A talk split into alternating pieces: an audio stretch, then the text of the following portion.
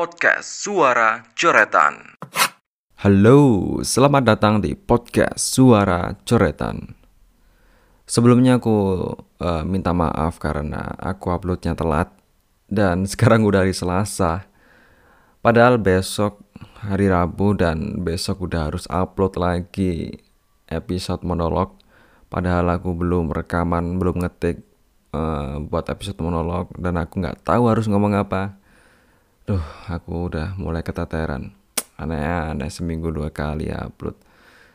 Uh, tapi uh, cerpen kali ini cerpen kali ini mengisahkan tentang seorang tokoh utama yang bernama Deva yang dia punya kemampuan spesial. Eh, nggak uh, usah aku jelasin kemampuan spesialnya apa. Langsung aja kalian dengerin. Jadi selamat mendengarkan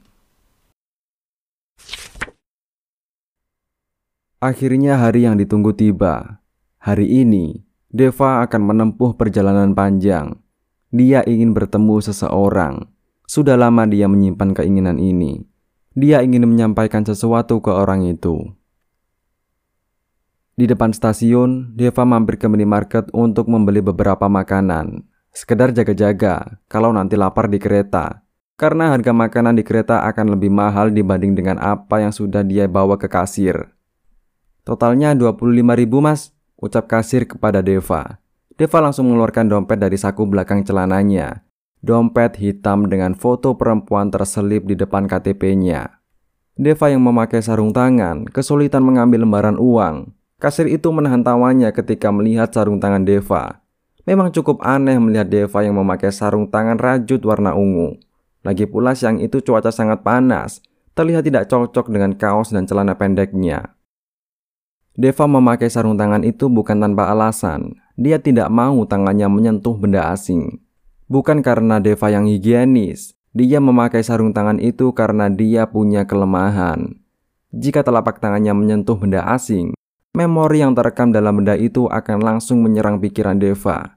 Deva cukup kesal dengan kelemahannya ini. Padahal orang lain menganggap itu adalah sebuah kelebihan, semacam kemampuan yang dimiliki paranormal. Bapak Deva sangat bangga dengan kemampuan anaknya. Jaga baik-baik kemampuanmu ini, nak. Jangan sampai disalahgunakan. Bapak tahu, ini ilmu turunan dari Mbah Topo. Karena Bapak pernah lihat kemampuan semacam ini di YouTube-nya Topo Channel. Kata Bapak Deva yang membuat anaknya semakin kesal. Sarung tangan rajut itu terlalu licin untuk mengambil uang kertas di dompetnya. Deva terpaksa menggigit ujung sarung tangan dan menarik tangannya keluar. Dengan cepat Deva langsung mengambil uang itu dan menaruhnya ke meja kasir. Alisnya langsung mengerenyit. Bayangan memori dari uang itu menyerang pikirannya. Terlalu banyak lembaran uang yang disentuh, terlalu banyak memori yang menyerang. Petugas bank, mesin ATM, dompet, amplop, jabatan tangan, sampai salam tempel terbayang di kepala Deva. Bayangan itu berkelebatan di pikirannya. Dia langsung membungkuk dan memegang kepala berusaha menahan rasa sakit yang luar biasa. Mas, bisa cepat gak? Ucap seorang pria tua yang membawa dua koper besar di belakang Deva. Deva langsung kembali memakai sarung tangannya. Dia lalu mengambil belanjaannya dan pergi. Deva berjalan memasuki stasiun. Dia lalu menunjukkan tiketnya ke petugas. Deva mencoba menenangkan diri di ruang tunggu stasiun. Dia duduk dengan meletakkan tas ransel di sampingnya. Matanya memandang sayu ke tiket yang dia pegang. Tertera tanggal 1 Januari 2019. Tanggal itu sangat berarti baginya. Tepat tiga tahun lalu, di dalam bis antar kota, Deva mendapatkan sarung tangan yang dipakainya. Waktu itu Deva terlihat cemas. Dia hanya pakai sarung tangan latex hitam di tangan kanannya. Sedangkan sarung tangan kirinya robek karena tergores pisau cukur yang lupa dia tutup ketika merogoh tasnya. Beruntung pisau cukur itu tidak menembus kulitnya. Deva takut tangannya yang sensitif itu tidak sengaja menyentuh benda asing. Dia tidak ingin berurusan dengan memori yang ada di benda-benda itu. Deva terpaksa menyimpan tangannya di dalam saku jaket hoodie-nya. Deva hanya bisa pasrah. Dia mewanti-wanti dirinya sendiri untuk tidak mengeluarkan tangan kirinya. Tapi tiba-tiba bis berhenti mendadak. Refleks kedua tangannya langsung memegang jok di depannya. Memori di jok itu masuk ke pikiran Deva. Terbayang kelebatan wajah-wajah orang yang pernah duduk di jok itu. Sontak Deva merasa kesal dengan sopir. Tapi kekesalannya seketika hilang ketika melihat seorang perempuan naik ke bis itu. Perempuan berhijab dengan tas ransel merah di punggungnya. Perhatian Deva pun beralih ke perempuan itu. Mata Deva terus mengarah ke perempuan itu sampai dia duduk di seberang kursi Deva. Deva melihat ada sarung tangan ungu di dalam kantong minum tasnya dengan menahan rasa malu, Deva mencoba meminjam sarung tangan itu. Perempuan itu pun merasa aneh, ada orang yang tidak dikenal meminjam sarung tangannya. Dengan berat hati, dia pun memberikan sarung tangannya kepada Deva. Tapi, bukannya merasa tenang karena kedua tangannya sudah dibalut sarung tangan, Deva malah terbayang memori yang ada di sarung tangan perempuan itu. Tanpa disadari, Deva merasa dekat dengan perempuan yang tidak dikenal itu. Deva pun mencoba kenalan. Ternyata nama perempuan itu adalah Rima. Perkenalan itu pun berlanjut ke saling tukar nomor telepon. Pertemuan itu menjadi pertemuan yang berkesan bagi mereka. Meskipun telah berpisah karena tujuan yang berbeda, Deva menganggap ini belum berakhir. Lewat sarung tangan itu, Deva berusaha mendapatkan hati Rima. Dia tahu bagaimana sifat Rima dari sarung tangannya, Rima adalah perempuan yang senang mendapatkan perhatian, dan Rima merasa Deva adalah orang yang paling bisa mengerti dirinya. Mereka pun berkomitmen untuk menjalin hubungan, meskipun jarak jauh. Tapi, hubungan jarak jauh tidak semudah yang mereka bayangkan. Memang pada awalnya terasa menyenangkan, tapi masalah kecil saja bisa sangat merenggangkan. Semakin lama usaha untuk mempertahankan semakin terasa, Rima merasa jarak semakin nyata, sedangkan menurut Deva, semua masih baik-baik saja. Deva memandangi tiketnya dengan penuh perasaan. Dia memikirkan apa yang sudah dilakukannya selama ini. Deva sangat merindukan Rima. Sudah setahun lebih mereka tidak bertemu karena Rima yang sudah tidak mau ditemui. Hilangnya Rima dari kehidupan Deva membuat Deva berjalan tanpa arah. Dia sering pergi tanpa tujuan, seperti daun yang gugur di atas air tanpa haluan. Tapi kali ini Deva sudah menemukan arah jalannya. Dia akan kembali menemui Rima. Ada yang ingin dia sampaikan kepada Rima. Tak lama terdengar pengumuman bahwa keretanya akan tiba. Deva langsung memasukkan tiket itu ke sakunya. Melihat keretanya datang, Deva lekas berdiri dan berjalan meninggalkan ruang tunggu. Tapi langkahnya terhenti ketika mendengar keributan di belakangnya. Seorang laki-laki tua yang membawa dua koper besar sedang beradu mulut dengan petugas. Pak, ini barang yang dibawa sudah melebihi batas maksimal. Bapak bawa barang terlalu banyak. Koper dua, besar-besar lagi. Belum tas yang bapak pakai, tas gunung lagi. Kalau bapak mau bawa semua, bapak harus bayar biaya bagasi tambahan. Kata petugas yang mencoba sabar.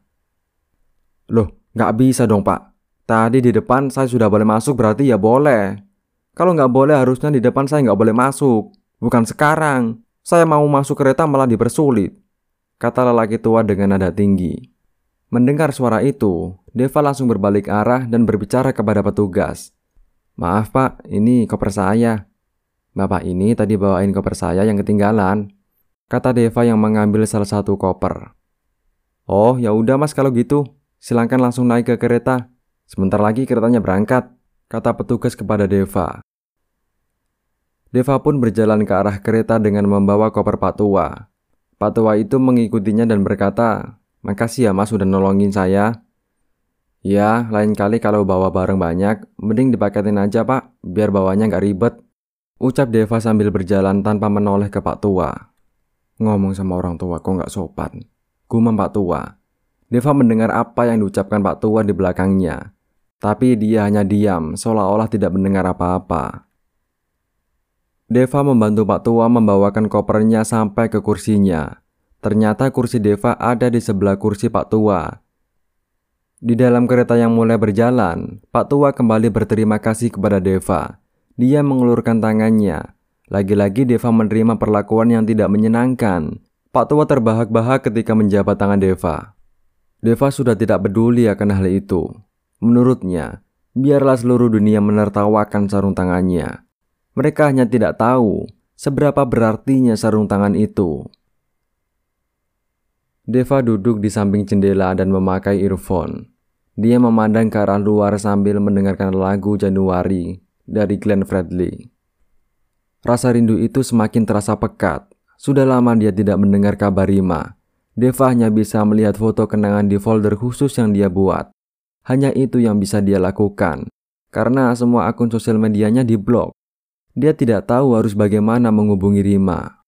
Seketika Deva mengingat sesuatu. Dia langsung berdiri dan mengambil tas di atasnya. Deva mengeluarkan kotak kecil. Dia lalu membuka kotak itu.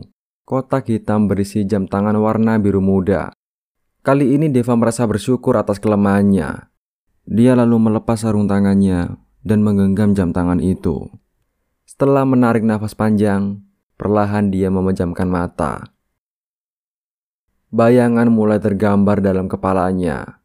Di matanya yang terpejam, dia melihat dirinya turun dari kereta dan berjalan menuju pintu keluar. Di kejauhan tampak Rima sedang menunggunya. Deva langsung berlari dan memeluk Rima. Di pelukan itu dia meluapkan semua rasa rindunya. Mata Deva yang sedang terpejam pun tampak mengerut. Gimana kabar? Tanya Rima yang terlihat tidak nyaman. Kabarku baik. Menjadi sangat baik pas ketemu kamu. Jawab Deva. Kamu kenapa ke sini? Tanya Rima. Oh iya, sini ikut aku. Deva menarik tangan Rima. Mereka duduk di kursi yang ada di depan stasiun. Kemarin itu kamu serius? Iya, chatku kemarin serius, jawab Rima. Kenapa? Ya, kan di chat aku udah bilang, kata Rima yang matanya menghindari tatapan Deva. Aku pengen denger langsung dari kamu. Rima menghela nafas. Aku tahu kamu gak terima, kamu udah baik sama aku. Kamu selalu ada buat aku. Ngasih yang aku butuhin, bahkan yang aku pingin. Tapi kamu gak bisa ngasih apa yang paling aku butuhin saat ini. Aku butuh kamu di sini.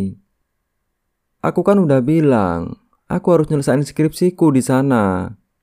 Aku udah tahu kamu bakalan ngomong gitu. Udah berapa kali kamu ngomong kayak gitu? Dari tahun kemarin aku udah berusaha ngiyakinin diri aku sendiri sama omongan kamu yang gak ada buktinya. Iya oke aku minta maaf. Sebentar ya. Nanti kalau skripsiku udah selesai, aku cari kerja di sini. Kasih aku waktu. Ya. Maaf, aku udah gak bisa. Capek loh ngiyakinin diri sendiri ke sesuatu yang udah jelas-jelas gak ada kejelasannya. Kamu bilang kita harus saling percaya, jangan dengerin kata orang. Terus aku harus percaya omongan kamu yang kamu sendiri nggak bisa buktiin. Aku pikir yang diomongin orang itu benar. Omongan apa? Dari siapa? Kamu nggak perlu tahu, jawab Rima. Mereka saling terdiam. Deva bingung ingin berkata apa. Dia mencari cara untuk meyakinkan Rima. Rima mengeluarkan jam tangan biru dari sakunya. Nih, mumpung ketemu kamu, aku mau kembali ini nih. Ucap Rima memberikan jam tangannya. Janganlah, aku pengen kamu simpen ini. Ini kan kenangan dari aku. Aku nggak bisa nyimpen ini. Aku nggak pengen nanti kepikiran kamu lagi terus. Aku harus balik ke posisiku sekarang. Kamu mau lupain aku? Tanya Deva yang menggenggam tangan Rima. Maaf ya. Terima kasih atas semuanya. Kata Rima yang menarik tangannya. Mas, mau turun mana? Ucap Pak Tua yang membangunkan Deva dari dunia lampaunya. Dia lalu membuka matanya dan melihat jendela. Ternyata keretanya sedang berhenti di suatu stasiun. Saya turun di stasiun terakhir, jawab Deva tanpa menoleh. Oh, Ya maaf mas, saya kan nggak tahu. Saya cuma pingin ngingetin. Deva mengabaikan Pak Tua di sampingnya. Kereta itu hanya berhenti sebentar. Deva masih tetap memandangi jendela. Keretanya mulai melaju, tapi Deva masih ingin kembali ke masa lalu. Dia merindukan masa-masa indahnya bersama Rima. Deva tidak sabar menemui Rima. Dia ingin bilang kalau dirinya sekarang sudah lulus kuliah. Dia ingin Rima datang di acara wisudanya. Deva telah membuktikan semuanya. Dia ingin Rima kembali ada di sampingnya. Deva membayangkan bagaimana reaksi Rima. Kereta yang melaju cepat terasa sangat lambat. Deva tidak sabar karena stasiun berikutnya adalah stasiun terakhir. Ketika kereta mendekati stasiun, Deva langsung memesan ojek online untuk mengantarnya ke rumah Rima. Rasa tidak sabarnya memuncak ketika keretanya berhenti. Tapi, banyaknya penumpang membuat antrian keluar kereta cukup panjang. Dia berdiri di tengah orang-orang yang berjalan keluar. Pak tua yang membawa dua koper itu membuat antrian semakin lama. Pak, bisa cepat gak? Ucap Deva dengan suara lantang. Nih, tolong bawain biar cepat, kata Pak tua memberikan salah satu kopernya. Setelah keluar kereta, Deva langsung menuju pintu keluar stasiun. Tapi, tiba-tiba langkahnya terhenti. Di kejauhan Deva melihat Rima sedang berdiri. Dia tidak menyangka Rima sudah menunggunya. Dia berpikir bahwa inilah kekuatan cinta. Rima bisa tahu kedatangannya tanpa ada kabar darinya. Tapi ketika akan melangkah, dia melihat seorang laki-laki menghampiri Rima. Laki-laki berjaket hitam itu memeluk dan mencium kening Rima. Deva melihat Rima tersenyum dan matanya berbinar setelah dikecup laki-laki itu. Deva hanya terdiam. Cukup lama dia terpaku melihat semua itu. Rasa tidak sabar untuk menemui Rima seketika hilang. Keinginan untuk memberi kabar gembira akan kelulusannya sudah tidak dia rasakan. Semua itu terhapus dengan kenyataan di depan matanya. Dia tidak menyangka Rima secepat itu bisa berpaling darinya. Mas, bisa cepat gak? Mana koper saya? ucap Pak Tua dari belakang.